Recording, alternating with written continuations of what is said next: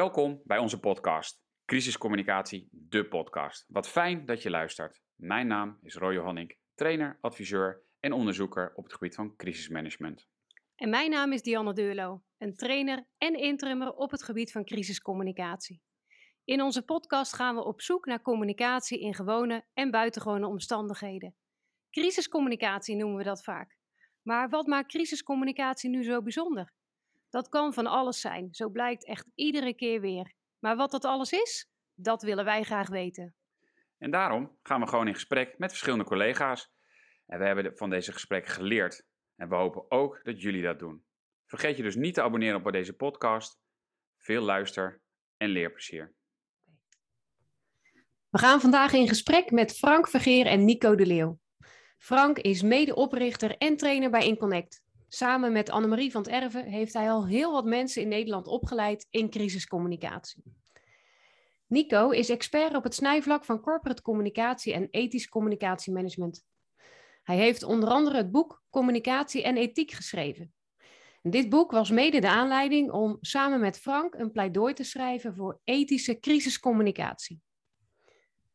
Wij hebben dat boek gelezen, we hebben het pleidooi gelezen, heren. Um, ja, onze eerste vraag is eigenlijk: is het niet een open deur, jullie pleidooi voor ethische crisiscommunicatie? Want ja, hoort niet eigenlijk alle communicatie ethisch te zijn en juist dus ook crisiscommunicatie? Want anders ja, kun je communiceren tot je een ons weegt. Maar is je crisiscommunicatie niet succesvol als het niet ethisch is? Nou ja, nou Diane, het lijkt een open deur. En eigenlijk is het ook een open deur. Maar um, als we kijken naar de voorbeelden van de afgelopen periode, de afgelopen jaren, en ook al in de jaren die, waarin wij gewoon bezig zijn met dit vak, en dat is al een hele lange tijd, dan kunnen we toch ook heel veel voorbeelden noemen in de praktijk die eigenlijk gewoon niet ethisch zijn. Hè. Het meeste, meeste pregnante voorbeeld is wel de hele communicatie rondom de toeslagenaffaire, waarbij er zoveel mensen slachtoffer zijn van niet ethisch handelen, niet betrouwbaar zijn als organisatie als de Belastingdienst. En dat heeft natuurlijk enorme effecten. Dat heeft enorme effecten in termen van emotionele eh, schade, financiële schade. Mensen raken helemaal aan de grond. En dat komt dus ook voort uit onethisch handelen, maar ook daar niet op een open, eerlijk en transparante, betrouwbare manier over communiceren. Nou, dat is dan één voorbeeld. Maar Nico, jij kent er uit jouw praktijk ook nog uh, heel veel, denk ik. Ja, nou ja, inderdaad, Frank. Uh, ik ben zelfs een poos bezig geweest om, uh, die, om zeg maar, van al die zaken die langskwamen, casus te, te, te maken ja. en die op, op mijn site te zetten. Uh, om ze ook gewoon aan te bieden voor discussies en als, aan HBO-scholen en andere opleidingen. Uh, ik ben er op een gegeven moment mee gestopt om de dood eenvoudige reden dat het gewoon te veel werk kost. het ging ja. maar door. Het ja. is, het is, het, Dianne, het is echt een open deur waar je het over hebt. Maar het, het is aan de, aan, aan de andere kant ook wel weer heel erg triest dat die open deur zo waar is. Dat, uh, nou ja, dat ik zelfs een boek samen met Jan Mertom heb moeten schrijven. Uh, dat we als communicatiespecialisten zoveel mogelijk moeten zorgen dat we eerlijk zijn. En op een of andere manier is het bijna niet mogelijk om eerlijk te communiceren bij organisaties. Mm -hmm. Anders ja. kom je in een soort tank te zitten en een ja. krachtenveld, waardoor je zoiets hebt van oeps, als ik een hypotheek wil blijven betalen, dan zou ik toch maar een beetje mee moeten gaan jokken. Ja, ja en, en, dat begint natuurlijk, als ik kijk naar onze rol als communicatieadviseurs, dat begint natuurlijk ook aan tafel van een beleidsteam of van een managementteam, hè, waar dus soms beslissingen voor liggen uh, die naar, mijn, naar onze mening niet echt met een ethische bril ook worden beoordeeld. Hè? De, de, de centrale vraag die komt dan op tafel, kijk even naar crisis, uh, crisismanagement, crisisbeheersing, crisiscommunicatie. Uh, als er iets gebeurt en een organisatie heeft iets ver verwijtbaars gedaan, er is gewoon iets misgegaan in een organisatie en dat heeft, dat heeft mensen schade berokkend, dan zien wij toch gewoon heel vaak dat de vraag op tafel komt, hoe komen wij hieruit? Hoe komen wij hieruit? Hoe gaan we ons hieruit redden? Ja, en communicatieadviseurs denken mee in dat scenario. Van hoe gaan wij ons hieruit redden? Hoe gaan we onze, ima hoe gaan we onze reputatie redden? Hoe gaan we onze ima imago-schade beperken? En alleen al die vraag, die vraag stellen, als die heel expliciet is, dan is het nog een soort duidelijk, maar vaak zit die een soort onder de tafel. Die vraag stellen is naar onze mening gewoon een onethische vraag. Ja, en wat gebeurt er dan? Hè? Om aan te vullen, Frank. Uh, het, is, het lijkt wel een soort algemeen geaccepteerd uh, patroon. in, in, in, in die organisaties. We gaan struisvogelgedrag, oftewel VOJAS-gedrag toepassen. En VOJAS staat voor verstoppen, ontkennen, jokken, aanvallen, de slachtofferrol spelen. Niet altijd in dezelfde volgorde, ook wordt niet altijd aan alle elementen voldaan, maar men doet het. Hè? Ja. En daarmee hoopt men er op een of andere manier mee weg te komen of het op een of andere manier te kunnen laten vertragen. Nou, die toeslagenaffaire, dat is natuurlijk één groot vertragingstactiek-spel geweest. Hè, waardoor sommige ministers of wie dan ook denken van nou, dan ben ik al lang weg, dan is mijn pakje niet meer. Ja, en, en dat zie je dus inderdaad, wat Frank zegt, heel vaak. En ja, het lijkt wel alsof dat eh, gewoon ook mag, alsof dat geaccepteerd is. Ja, ja, ja. En op zich, en op zich, Nico, is het natuurlijk ook best wel een, een, een, een, een, eh, ja, een, een, voor, een, een begrijpelijke reflex. Hè? Als je wordt aangevallen als organisatie of als je wordt aangevallen als bestuurder. De eerste, eerste reflex is toch verdedigen. Ja, er zijn ook onderzoeken uit de psychologie bekend uh, dat, dat mensen zo, uh, zo handelen, dat ze zo acteren. En dat is ook heel begrijpelijk. Dat is ook heel menselijk. Dat is heel menselijk, maar dat wil niet zeggen dat het de juiste reflex zou moeten zijn. En ik vind ook juist dat communicatiemensen hier een hele belangrijke rol in hebben. Hè. Ik, Absoluut. Ik hoorde, ik hoorde, net al de term vallen corporate communicatie. Dat is, hè, dat is de communicatie van het corpus, van het lichaam zelf, van de organisatie zelf. Corporate. Ik zou eigenlijk willen pleiten, en zeker kijken naar de rol van communicatieadviseur, dat hij een contra-communicatie-expert is. Hè, dat hij dat juist die maatschappelijke antenne, die noodzakelijk is aan tafel van zo'n beleidsteam, dat hij die, die maatschappelijke antennefunctie vervult. Hè? Contra communiceren, tegenspreken, maar niet alleen maar van wat doen we, maar ook tegenspreken in termen van uh, ja, ethische beslissingen nemen. Waar zit je zou kunnen zeggen, sorry, Oh, Misschien eh, even, onderbreken. want volgens mij hoeven Dianne, we hoeven helemaal geen, we hoeven maar geen vraag te stellen. Hè? Lekker is we kunnen gewoon ons mond houden. maar dat wisten we. Maar, uh, maar ik ben wel benieuwd, want ik heb geluisterd. Ik heb al een aantal dingen opgeschreven. Maar ik ben wel benieuwd, waar zit dan het grootste probleem? Bij de organisatie en misschien bij het management of bij de communicatieadviseur volgens jullie? Ik denk bij allebei. Oké. Ik denk dat uh, communicatieethiek in opleidingen een eh, echt een, uh, in ons vakgebied gewoon een, on, een, een, een onderbelicht on, onderwerp is. Hè? Dat gaat te veel over reputatie en imago-management. Ja, ja. En te weinig over die onderliggende ethische dilemma's en knelpunten waar je als communicatieadviseur een rol in hebt.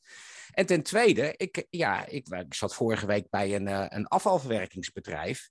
Ja, daar wordt gewoon ook in een CEO-opleiding, er wordt gewoon twee, twee volle dagen worden er besteed aan reputatiemanagement. Twee volle dagen in een opleiding van CEO's. En dan praat je ook met die man. denk je, ja, inderdaad, joh, maar er komen complete verkeerde vraagstukken op tafel. Ook op zo'n opleiding. Dus ik denk dat het in. Het zit, naar mijn idee, bij allebei. We moeten gewoon het, is, het een is niet los te zien van het ander. En daar dat, Nico, jij hebt ook een, heel pleidooi of een hele whitepaper geschreven over ja. ethisch communicatiemanagement. Maar jullie zijn ook gewoon bezig met organisatieethiek.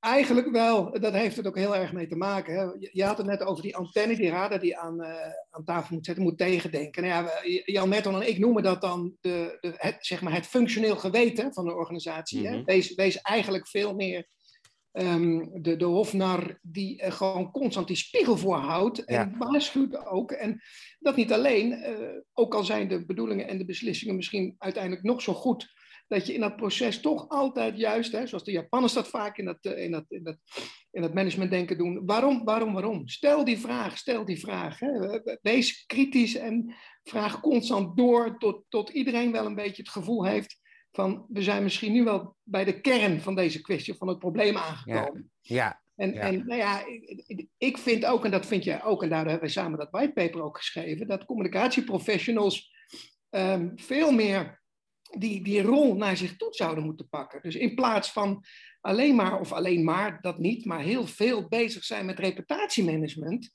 hè, het, de, het beeld van de organisatie, dat dat veel minder de focus krijgt, maar dat er veel meer uh, de rol wordt gepakt waar wij het nou over hebben. Want als je dat maar enigszins voor elkaar krijgt en daardoor de organisatie wat meer wakkerder krijgt en dat daardoor ook processen en producten en diensten, want daar ligt het vaak aan. Als het daar fout gaat, dan uiteindelijk komt dat kankersgezwel heel snel naar boven en krijg je gedonder.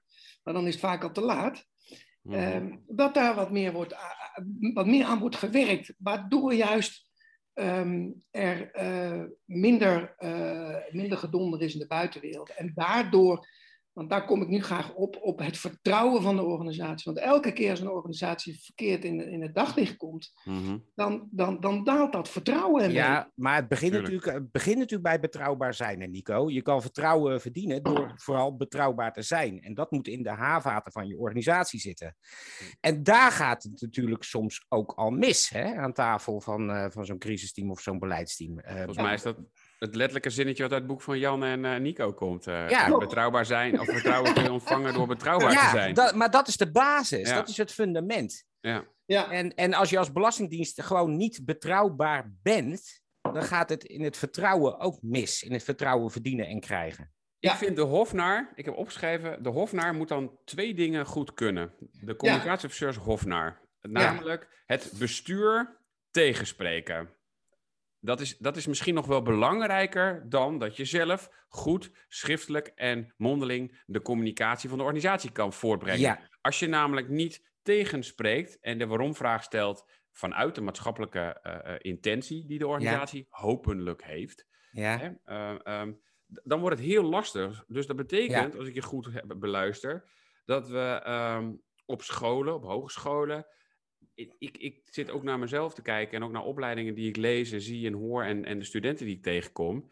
Die krijgen volgens mij geen eh, training tegenspreken. Nee. Of eh, hoe ga ik om met bestuur en management? Nee, en, en hoe, hoe vul ik een. eh, jij noemt het de hofnar, Nico. Ik heb, Ja. Ik- dat maar vind ik een hele mooie. Dat vind ik echt wel een hele mooie term. Eh, Ik, ik gebruik zelf altijd de luis in de pels en de Ja. gefundeerde criticaster. Weet je wel? ja, Je moet stevig aan tafel zitten. Je Ja. moet doorvragen. Je moet spiegelen. Je moet Ja. die maatschappelijke relevantie binnenhalen. Jongens, als Ja. wij bonussen gaan geven aan bol.com, aan het management van bol.com ter waarde van 28 miljoen, wat, wat zeggen we daarmee? Dat is Ja. gewoon de boel flessen. Dat is gewoon de boel oplichten. klopt. En er is niemand aan tafel die dan durft te zeggen van jongens, ja, maar dit kan toch eigenlijk niet? Dit is toch in deze tijdsgeest is dat helemaal niet. Dat kan toch niet bij een bank of bij een verzekeraar of een pensioenfonds of de overheid of een bedrijf.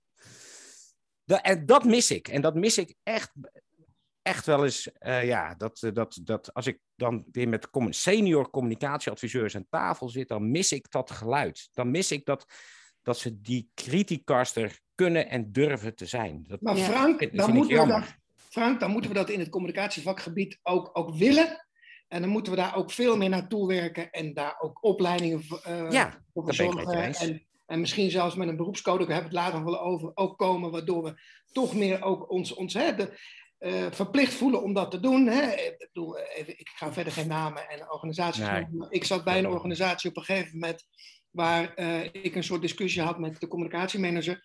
Nou, en die keek mij met twee brandende eh, ogen aan en die dacht echt dat ik gek was omdat ik namelijk vond dat communicatiemensen, dat had ik ook in mijn beleidstuk geschreven, zich veel meer op dat vlak waar we het nu over hebben moeten bezighouden. Ja. Nou, die zei gewoon in drie zinnen, terwijl ze dat, dat document in de prullenbak gooiden. "Joh, Wij zijn niet van vertrouwen, dat moet een andere afdeling maar doen. Ja, kijk, weet je, eh, nou ja, goed, ik ben daar, was daar snel weg, want daar kan je natuurlijk, dat heeft geen zin om daar nog verder te, te, te werken.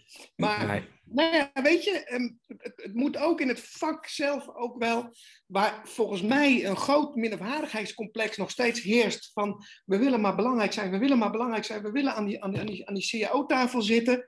Hè? En, en, en daardoor tegelijkertijd, Nou. door die drift om belangrijk te zijn, het eigen vakgebied zo gaan Ja. oplossen, dat, dat, dat ze tegelijkertijd elkaar, het, het eigen vakgebied meer uithollen dan dat ze het belangrijk maken. Ja. Snap je?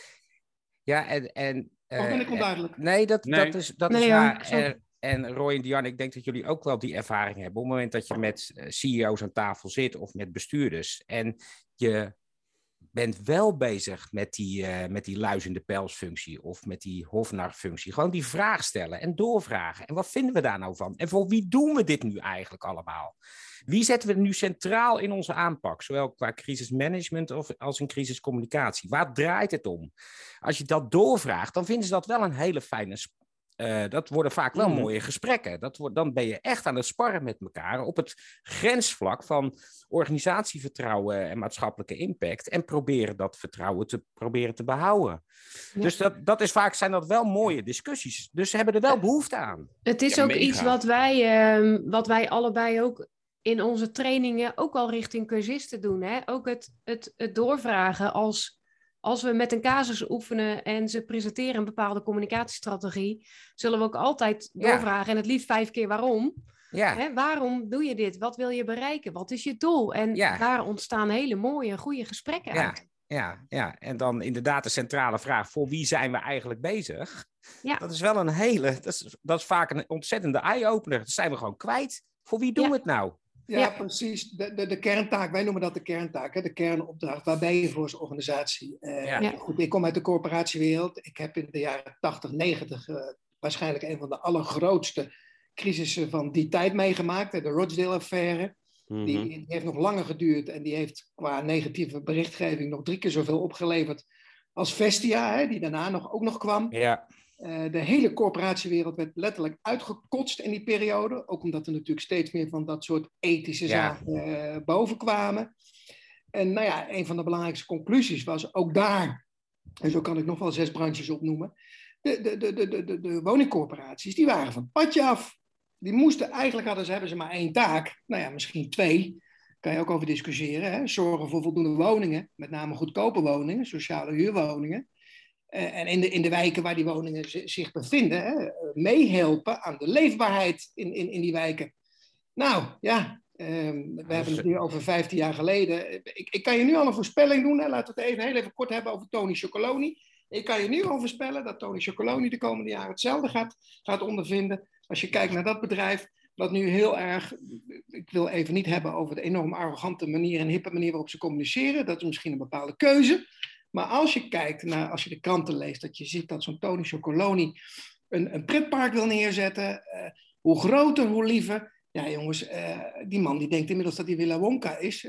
Hallo, waar gaat het over? Wat was hun oorspronkelijke bedoeling? Ja. Die was op zich heel mooi.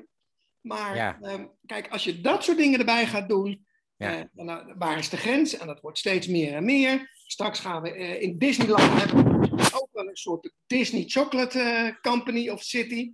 Jongens, dan, dan, ga- dan gaat het fout. Dan gaat, gaat het daar altijd niet fout dan? Gaat het niet altijd fout als een organisatie buiten zijn eigen doelstelling eh, gaat opereren?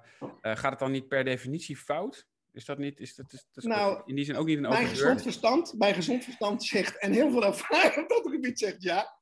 Maar ik heb het niet wetenschappelijk onderzocht, dus ik durf het niet wetenschappelijk Maar er zijn natuurlijk ook wel bedrijven die eh, op, op meerdere borden aan het schaken zijn waar het wel goed gaat. Hè? Dus het, is niet, eh, het, is niet, het hoeft niet altijd fout te gaan. Maar de verleiding, het, het, vaak de verleiding is wel Waar is dan de grens, hè? ja, om je dan maar op eh, terreinen te begeven waar je gewoon, eh, waar je gewoon geen verstand... Of je laat je gewoon leiden tot, t- door, door de hebzucht en door de greed die ontstaat. bedoel ik, ja. en, Mhm. en, Ja. en, en dan raak je wel ja, de kans dat je dan je focus kwijtraakt. Voor wie doen we dit nu eigenlijk? Voor wie zijn we eigenlijk van oorsprong?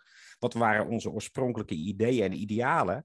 Dat je daar toch eh, een beetje van af gaat Eh, wijken. Als we eens teruggaan naar het inderdaad een pad probleem. bewandelen waar meer perverse prikkels en steeds meer perverse prikkels Ja. afleiden van waar je mee bezig bent. Ja, Mhm. precies zoals Frank het zegt. Als we teruggaan naar het probleem. Want het probleem zit nu dus enerzijds in de organisatie, heb ik gehoord. En anders in het bestuur, in het management van de organisatie. En anderzijds in, in communicatieadviseurs. We hebben gezegd, nou die communicatieadviseurs die moeten hè, meer de luisterende pels zijn, de hofnaar. eh, de waarom-vraag, eh, past dit wel bij onze, hè, ik vind het mooi, bij onze corporate gedachte ook van wat we willen uitstralen. En dan hoop ik dat we een doel hebben in de maatschappij en wat dat dan ook is. En daarnaast komt dan wel, hoe gaan we dan die communicatie vorm eh, geven? Ja. ja. Hoe, hoe zijn er voorbeelden te bedenken van, want ik talloze keren merk ik het ook zelf. Hoe kan het dan toch dat het nu, ja, je zegt er zijn zoveel voorbeelden, ook de afgelopen weken. Hebben jullie, nou, ik hoorde net al geen wetenschappelijk onderzoek gedaan, maar is er onderzoek te doen dan? Waar gaat het dan mis? Is dat, lukt het dan communicatieadviseurs niet om tegenspraak te bieden? Wordt ze niet geboden? Zijn bestuurders dan te eigenwijs? Waar, waar, Waar zit Ja, nou, het, het, het, kijk, als ik even gewoon wat voorbeelden... Er gaan ook een hele, heleboel dingen goed, hè. Laten we dat Ja. ook niet vergeten. Er gaan gelukkig ook, hè, we zijn inmiddels 20, 30 jaar bezig met professionalisering van die Mhm. crisiscommunicatiefunctie, bij de overheid met name. Er, gaat een, er gaan een heleboel dingen gaan er gewoon gelukkig goed. Hè. Er wordt echt wel goed naar buiten gekeken. Ja, Er worden, er worden ook wel strategieën bedacht waar het echt gaat om de mensen die, die, in de, die direct betrokken zijn. Eh, eh, we, hebben een, we hebben na Moerdijk ook heel veel geleerd. Hè? Ook in dat soort eh flitscrisissen. En er gebeuren gewoon heel veel goede dingen. Het wordt lastig op het moment dat het de organisatie zelf iets te verwijten valt. Eh, hè, bijvoorbeeld eh, dat, er, eh, dat er in de vergunningverlening wat mis is gegaan. Mhm. Of dat er, ja, we hebben nou toch wel heel veel mensen eh, lopen te belazeren eigenlijk. We zijn niet eerlijk, we zijn zelf niet eerlijk. Als op het moment dat er bij een organisatie zelf wat fout gaat. En je wordt aangevallen. en- je- wordt aangevallen dan krijg je het. Dan, Ja. dan gaan de luiken dicht. En, Ja. eh, en, dan, eh, dan, dan, en dan wordt er ook nagedacht over van... oh god man, hoe moeten we ons hieruit redden? Want eh, dit zien we helemaal fout gaan. En, eh, en, ja, en juist dan is het van belang om heel erg te, te pushen op die openheid, eerlijkheid en transparantie. Wat we allemaal in onze plannen hebben staan. Maar zodra het echt moeilijk, zo, maar zodra het echt moeilijk wordt, gaan de Nee, luiken, en de, gaan de geen luiken optie. dicht. Ja. Maar dit, dit kan je toch ook allemaal oefenen, trainen Ja. met, met elkaar. Dus dit kan je toch ook als organisatie trainen. Van Ja. ja, ja nu eh, ben je verwijtbaar. En ja, ik vind, ik, nu je het zo zegt, ik vind het ook altijd de leukste oefeningen en doorleefsessies. Als er inderdaad iets misgaat in de vergunningverlening. Ja, En- bijvoorbeeld, of met zwijgcontracten, of met, eh, hè, maar toch gebeurt het elke keer weer. En ja. ik, ik, ik ben ook wel eens, ik, ik, ik zit er nogal eens een beetje strak in. Aan tafel van zo'n beleidsteam zitten ook juristen. Mhm. En een jurist, ik heb niks tegen juristen. Sterker nog, ik denk dat wij in Nederland de beste juristen Mhm. hebben van, eh, van de hele wereld. Daar gaat het niet om. Maar juristen zijn opgeleid om te denken in aansprakelijkheden en, en, en risico's en financiële eh, claims. Die Daar zijn ze gewoon, meteen op de rem. die gaan op de rem trappen. Hè, die gaan zeggen, ja, dat gaan we, dat gaan we niet doen, want dan, eh, ja, dan, eh, dan eh, dreigt, eh, dreigt dit op ons af te komen. Dus je hebt een spanningsveld tussen de bestuurder, je hebt de jurist en je hebt communicatiemensen. Nou, het is een logisch mechanisme. Juristen trappen op de rem, snap ik. Daar zijn ze, dat, dat, is hun, dat is ook hun rol. Maar aan de andere kant, communicatiemensen moeten gas geven, ruimte zoeken. Waar zit de opening? Waar kunnen we, wat kunnen we wel doen in plaats van wat we allemaal niet kunnen doen? Die moeten echt aan de andere kant heel stevig gas geven. Ja. Deuren, deuren open belangrijk. trappen. Deuren Tijd winnen is ontzettend belangrijk. Elke seconde telt. Ja. Nou, ik En welke- Ik heb zelf wel, sorry, ik, ik heb zelf voorbeelden inderdaad, waarbij eh, ehm, ook talloze burgemeesters die inderdaad met bewuste keuzes qua woordvoering kiezen voor ehm, ik voel me verantwoordelijk of ik ben verantwoordelijk. Nou, maar alleen dat soort zinnetjes al. Ja, En dat heeft alleen maar met die aansprakelijkheid te maken. ja, en ik vind dat je je verantwoordelijk voelt, vind ik heel logisch. En of je ook nog verantwoordelijk bent, dat moet nog maar blijken. Ja, Maar je kan altijd zeggen dat je je verantwoordelijk voelt. Als er toch in jouw gemeente wat misgaan en inwoners zijn de dupe, die hebben schade of die hebben geen huis meer of die hebben weet ik veel wat, dan voel je je toch verantwoordelijk als bestuurder. ja. Ja, en in die zin, om toch eh een voorbeeld wat wel misschien wat uitgekoud is, is natuurlijk de burgemeester van Haaksbergen na het monsterdruk-drama. Ja. Die, Ja, die eigenlijk het afschuift naar zijn, eh, naar zijn, eh, naar zijn medewerkers. Terwijl Ja. ik denk, ja, jij bent verantwoordelijk als ja burgemeester. da- dat verstoppen hè, of naar beneden trappen. Ja, dat, En, dat, en, dat, dat, dat, dat is al het begin van het eind. Hè. Dat is al Vojas gedrag, wat eh, Nico eh, Mhm. noemt. Ja. Als dat eenmaal gaat gebeuren, dat soort mechanismes gaan werken, ja, dat is echt het begin van dan glij je af en dan is Ja. de ellende, dat is een gouden wet, dat kan ik je vertellen. Dan is de ellende daarna alleen nog, alleen nog maar groter. Ja. Mhm. Ja. En welke, welke vraag ehm, kan je dan als communicatieadviseur aan de, aan de, in dat crisisteam, hè, om dat geweten te zijn of om die, die hofnar te zijn, welke vragen, welke vragen zou je dan kunnen of moeten stellen? Hebben jullie daar een tip voor of een handvat voor, voor de, voor de luisteraars vooral? Heel simpel. Voor wie zitten we hier aan tafel? Precies. Eigenlijk is dat de enige vraag die relevant is. Voor wie doen we dit allemaal? En wat, wat is hun schade, of wat zou hun schade kunnen zijn? Hoe kunnen Ja. we hun het beste helpen? Precies. En hoe kunnen we hun het beste helpen? Eh, en vervolgens, en dat vind ik zo mooi, en dat sluit naadloos aan op ook het hele gedachtegoed wat ik natuurlijk heb ontwikkeld vanuit mijn eh, naadloos. En daardoor zou communicatie en eh, inderdaad crisiscommunicatie en alles wat ertussen zit, eh, in principe gelijkgesteld moeten worden. dat je vanuit die gedachte gaat kijken, moeten wij dan, je kijkt naar binnen, naar je organisatie, welke processen, producten of diensten moeten we aanpassen, verbeterd worden of anders? En uh, welke zaken moeten wij doen om in elk geval ervoor te zorgen dat die mensen die benadeeld zijn, die schade hebben opgelopen, of die dat nog gaan doen? Uh, wat, en, en vervolgens daar ga je je hele plan op richten. Ja. En uiteindelijk ga je daar pas over communiceren. En dan wordt crisiscommunicatie heel leuk. Want dan ben je bijna een soort non-profit instelling die die mensen mag helpen die, die dakloos zijn geworden omdat ze een, een, een aardbeving hebben meegemaakt, geen woning meer hebben. En dat, dat is even spreekwoordelijk, hè? ja. metafoor. En dat je die mensen aan een nieuw huis mag helpen. Ja, dan, en... dan, wordt, dan wordt crisiscommunicatie ook een heel soort, een, een soort dankbaar uh, proces. Nou, sterker nog, succes verzekerd. Nou, dat sowieso. Succes ja. verzekerd. Dan, ja. Want dan is, het, dan is jouw effect van het handelen en het communiceren over dat handelen, jouw effect is een verhoging in het vertrouwen in jouw organisatie. Nou, dat wil je. Ja, waar ik, waar ik zelf nog even naar zoek nu in dit gesprek, wat bij me opkomt, hè, want uh, het is goed dat we het vooral over crisiscommunicatie hebben, want dat gaat ook, uh, hè, dat is ook onze podcast. Ja. Maar uh, we hebben het ook even gehad, het woord reputatiemanagement is al even gevallen. soms uh, negatieve connotatie bij dat woord, hè? want ja, reputatie managen. Um, crisiscommunicatie zit vooral in de reactie. Hè? Als, er een, als er een situatie is gebeurd, dan gaan we daarover adviseren en dan gaan we dat met crisiscommunicatie aanpakken. Mm-hmm. Um, daarvoor is jullie pleidooi dat moet ethisch zijn, dus dat moet de getroffenen centraal stellen. Mm-hmm. Uh, daar hebben we denk ik net goed over gehad. Um, maar je kan toch ook al aan de voorkant, als je het dan hebt over reputatiemanagement, als je het dan toch daar over dat vak hebt, als het een vak is, waarin je werkt aan de, aan de gewenste organisatiecultuur. Als je daar al als communicatieadviseur ook een rol speelt in die gewenste organisatiecultuur moet ook ethisch zijn, dan ben je toch, dan zit je toch nog meer aan de voorkant. Ja, maar dat heeft toch niks met communicatie te maken? Dat is gewoon een organisatie dat is gewoon een organisatie besturen volgens bepaalde principes. En dat, mm -hmm. is, en dat moet ethisch zijn. Maar reputatiemanagement wordt heel vaak op één hoop gegooid met, met communicatie. Reputatie en communicatie ligt heel dicht bij elkaar. Ja, ik vind reputatiemanagement, zoals jij het zegt, hè, dat moet je aan de voorkant organiseren. Maar dat zegt iets gewoon over hoe je als organisatie wil zijn. Mm -hmm. En als jij een goed bestuurder bent, dan dan, dan, dan zorg je er ook voor dat jouw handelen en de manier waarop je producten, diensten, et cetera aanbiedt, dat dat volgens gewoon hele ordentelijke principes plaatsvindt.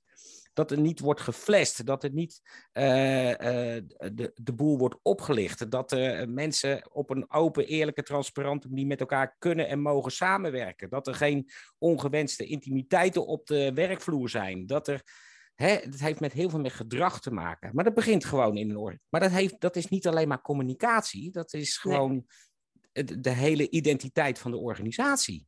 Ja, precies, Frank. Ik, ik, uh, Dianne, om, om aan te vullen, Frank. Ik, ik snap je vraag heel goed. Uh, ik heb er ook heel lang in mijn hoofd gezeten en mee getupt. Hè. Ik, ik ja. zou eigenlijk reputatiemanagement. Ik vind het helemaal geen vak. Ik zou volgens mij ook geen vak moeten zijn. Maar goed, dat is een hele discussie. Uh, ik zie reputatiemanagement eigenlijk gewoon als laat ik het zo zeggen, goed reputatiemanagement is betrouwbaar zijn. Dus wat Frank al zei, dan, dan, dan heb je helemaal niet met communicatie te maken. Dan heb je met gedrag te maken. En zorgen ja. dat je geen gekke dingen doet, je ethisch uh, opstelt. En dat je ook zegt wat je doet en doet wat je zegt. Ontzettende cliché, maar het is dus o zo. Ja. Ja. En als je dat doet, hè, dat, dat heb je zelf in de hand. Datgene wat je verdient, wat je krijgt van de rest van de wereld, Hè, wat je nooit kunt voorspellen en wat in allerlei kleuren en vormen kan terugkomen. Omdat elk mens natuurlijk op zijn eigen manier daarin staat en daar wat van vindt. Uh, dan krijg je dat terug. Als en, effect, als, als effect, effect, effect als van je handelen. Ja. Als effect van je handelen. Alleen, uh, ja, het, wat ik nu ga zeggen, dat vinden heel veel communicatieprofessionals misschien niet zo leuk, maar dat is mijn mening. Er zit nog steeds een hardnekkige ja, ik zou bijna willen zeggen, kronkel of gedachte in dat communicatievakgebied, dat we toch ook heel erg belangrijk zijn als het gaat om beeldvorming. En dat we dat, dat, we dat ook nog steeds wel kunnen, kunnen bepalen en kunnen verzorgen en kunnen regisseren, sturen, voorspellen. Ja. ja dat, dat, nou, dat, dat is, uh, ja, als, als, als, we, als we die gedachte eruit krijgen, dan, um, Ga... nou, dan zijn we een stukje verder. Ik, denk dat het, ik ga je proberen te challengen. Ik denk dat het wel kan. Ik denk dat alleen maar de keuze en het tegenspreken van een burgemeester. Burgemeester, uh, er is een situatie geweest waarbij de 20 slachtoffers in het ziekenhuis liggen. Uh, 7 zijn aanspreekbaar, 13 niet. De burgemeester zegt: Kom, we gaan even met z'n tweeën die kant op, uh, communicatievuur. Neem even je telefoon mee. Ga even paar, we gaan even bij de slachtoffers langs, want dat doe ik vanuit mijn burgervader of burgermoederrol. En we gaan even een fotootje maken en we maken even een tweet. Ja, dat is dat beeldvorming. Is nee, dat is window dressing. Ja, weet ik. En dus wat doe je dan als communicatieofficier, als ja, tegenspreker? nou, dan zeg ik, dat, doe je, dat, dat, ga je niet doen. Nee, maar dat, ga je niet doen. Handig. Nou, en wat gebeurt er qua beeldvorming dan? Dat is wat ik ook eh, gezien heb. Is dat aan de achterkant, als überhaupt die slachtoffers fijn vinden dat je komt, want er zullen ook slachtoffers zijn die de burgemeester. Ja, zitten niet op te wachten. Niet op zitten te wachten.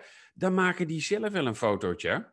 En als je dat wil, laat dat beeld maar dan ontstaan in die samenleving. Van, joh, de burgemeester is wel langs geweest, maar ik hoef niet met mijn ja. kop op tv. Nee, precies. Dan, dan beïnvloed je toch ook de beeldvorming, maar minder vanuit reputatiegedachten, maar meer vanuit de relatiegedachten. Ja, ja, en dat, dat laatste, dat vind ik wel, uh, dat vind ik, dat vind ik wel prima. Maar daar hebben wij toch een rol in. Dan hebben wij toch een rol als tegenspreker, burgemeester, serieus. Ik heb dat echt in de afgelopen coronaperiode behoorlijk vaak dit moeten doen. Ja, dan uh, lijkt me, um, nou, ik paar keer in de zomervakantie ook. Nou, volgens mij, um, ik zou graag ook nog even dan een statement maken. Is oké? Okay. Waarom? Ja. Nou ja, om, uh, ja, om, uh, om, ja, goede vraag eigenlijk. Ja, ja, precies. ja, waarom? Ja, ja. Nou, maar dat is precies, je slaat toch precies de spijker op zijn kop. Ja. Maar dan dus... doe je toch ook aan beeldvorming, om hem even terug te geven aan Nico. Dan, dan kunnen wij namelijk ervoor zorgen en voor waken dat wij niet vanuit de reputatie en, en vanuit het boegbeeld de burgemeester of de burgervader uh, redeneren, maar vanuit de maatschappij. Want dan voorkomen we dat beeld. Ja, ja. ja. ik ben het helemaal met je eens. Ja, nee, tuurlijk. Maar dan ben je, dan ben je natuurlijk wel met. Dan, dan ben je wel. Tuurlijk, je bent als communicatie ben je altijd, hè, professional ben je altijd met beeldvorming bezig. Dat, ik hem ook.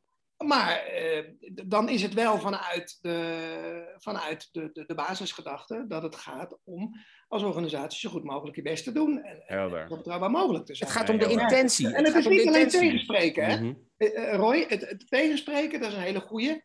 Er komen mhm. meer aspecten bekijken. Want op een gegeven moment ga je natuurlijk ook als communicatieprofessional communiceren. Hè? Ja, nee, eens. Uh, en, en, en daar kunnen we ook nog wel wat winnen. Hè? Um, framing, uh, nee, noem het allemaal maar op. Hè? het, het, het verhaal zo goed mogelijk maken.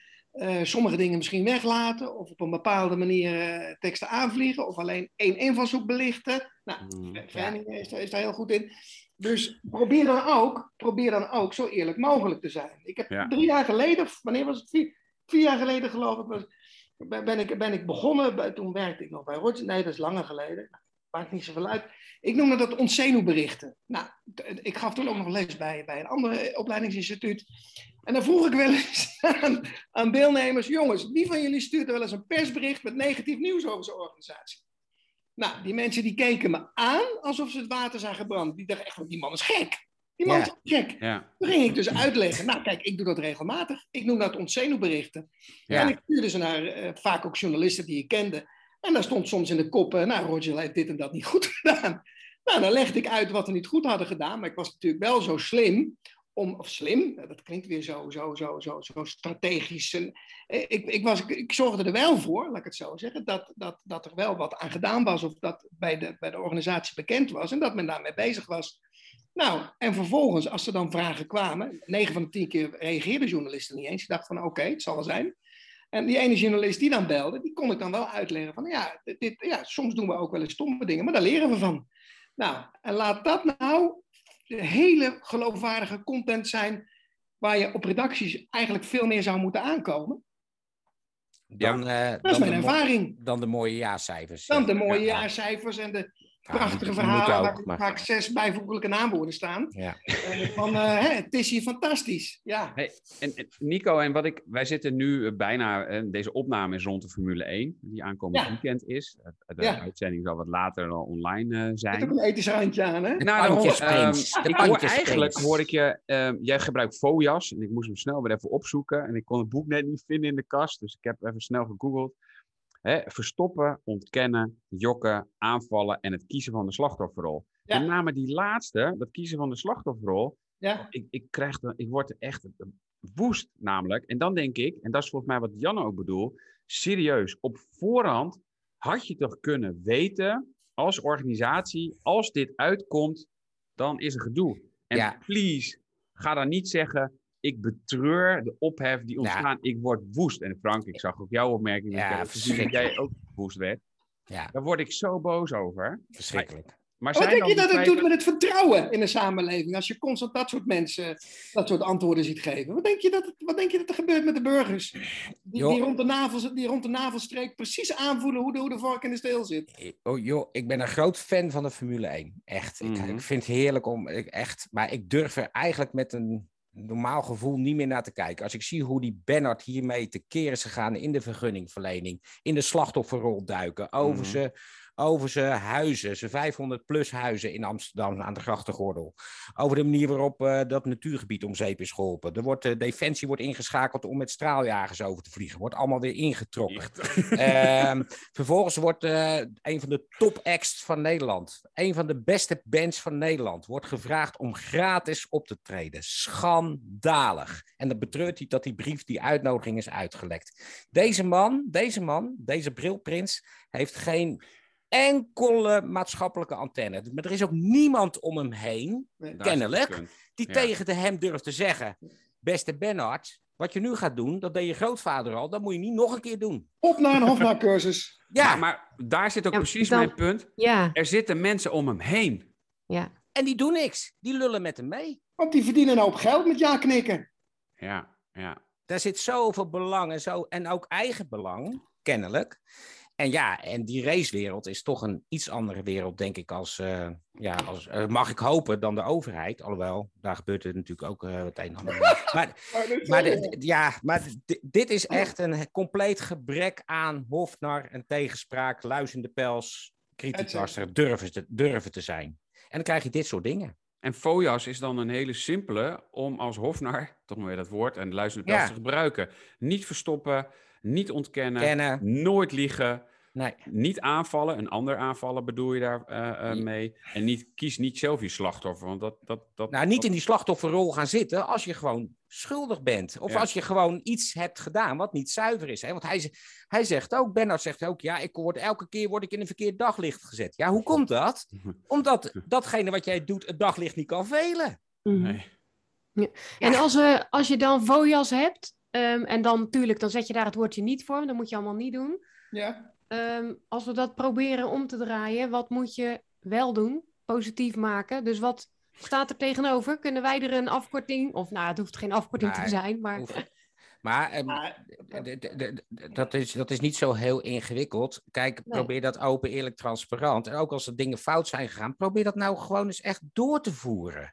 En leg gewoon dilemma's op tafel. Leg knelpunten op tafel. Waarom je bepaalde beslissingen hebt genomen. Kom, Kom zelf zelf met het slechte nieuws. ja. Kom zelf met het slechte nieuws. We Precies. kennen allemaal de theorie van Stealing Thunder. Dat het helpt Ja. om het vertrouwen te herstellen. Of zelfs Ja. nog er beter, beter van te worden in die zin. Hè? Klopt. Dus ja, er zijn gewoon al heel veel strategieën te bedenken. En die zijn er ook al in de praktijk uitgerold. Maar ja, ehm, ja dat is kennelijk toch best wel lastig. Want ik, dat wilde ik graag nog even zeggen. Dat is dat bij de Belastingdienst, toen het zo fout ging met de toeslagenaffaire, hebben jullie toen gezien op LinkedIn dat er een vacature stond van een reputatiemanager bij de dienst toeslagen? Dus het ging fout. Wat werd er gevraagd? Er werd een reputatiemanager bij de dienst toeslagen gevraagd. Die de reputatie van de Belastingdienst, dienst toeslagen, Ja. weer beter voor het voetlicht kon brengen. Ik denk, ja, Ja. jongens, hoe krom wil je het Ja. hebben? Ja, exact hetzelfde verhaal gebeurde natuurlijk in de corporatiewereld. Toen op een gegeven moment echt die corporatie enorm werd uitgescheten. En terecht, want er waren er te veel die er een potje van hadden gemaakt. Ja.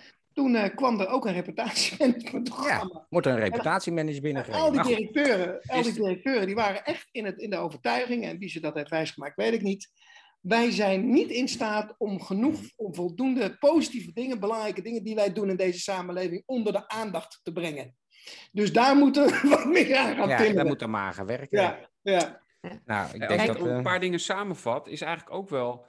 Eh, Het gaat eigenlijk pas mis, hoorde ik, op kop schrijven, als er een verwijtbaar handelen is of een fout is eh, van de organisatie, hoorde ik je zeggen. Toch? Daar, dan wordt het spannend. Ja. Dan wordt het ook spannend om misschien wel open, eerlijk en transparant te communiceren.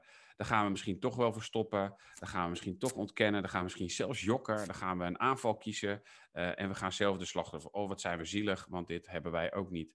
Continu wij, wij, wij Ja. als uitgangspunt Ja. op- op- op- met dikke hoofdletters Ja. lesgeven. Klopt, dat is een bus. En, Ja. dan, en dan eh, moeten wij, als, ik beschouw me even ons met z'n vieren ook als, als wij, als communicatieadviseur er vooral voor waken dat het niet gebeurt. Dus hè, wat Dianne zei, ehm, en dan zeggen jullie, het is open, eerlijk, transparant. Daar zit eigenlijk een hele duidelijke oplossing op. En wij moeten als luis in de pels, als Hofnaar, ervoor zorgen dat het bestuur, het management, die tegenspraak eh, eh, krijgt. Zodat we uiteindelijk laten zien dat we open, eerlijk en trans. En dan zal het effect zijn dat de getroffene, voor wie het gaat, of soms een deel van de samenleving, ook voelt dat we er weer voor hun zijn. En dan heb je helemaal geen reputatiemanagement nodig. Nee. Want dan komt het gewoon. Omdat de intentie, zoals jij zei, eh, Frank, is dan Ja. gewoon goed. Ja. Met een uitroepteken. Klopt. Ja, En dat is een mooie samenvatting. Ja, Ja, ja. En aanvullend Roy, aanvullend Roy, hè, want daar ging ons, ook ons, web, ons whitepaper natuurlijk over Frank en van mij,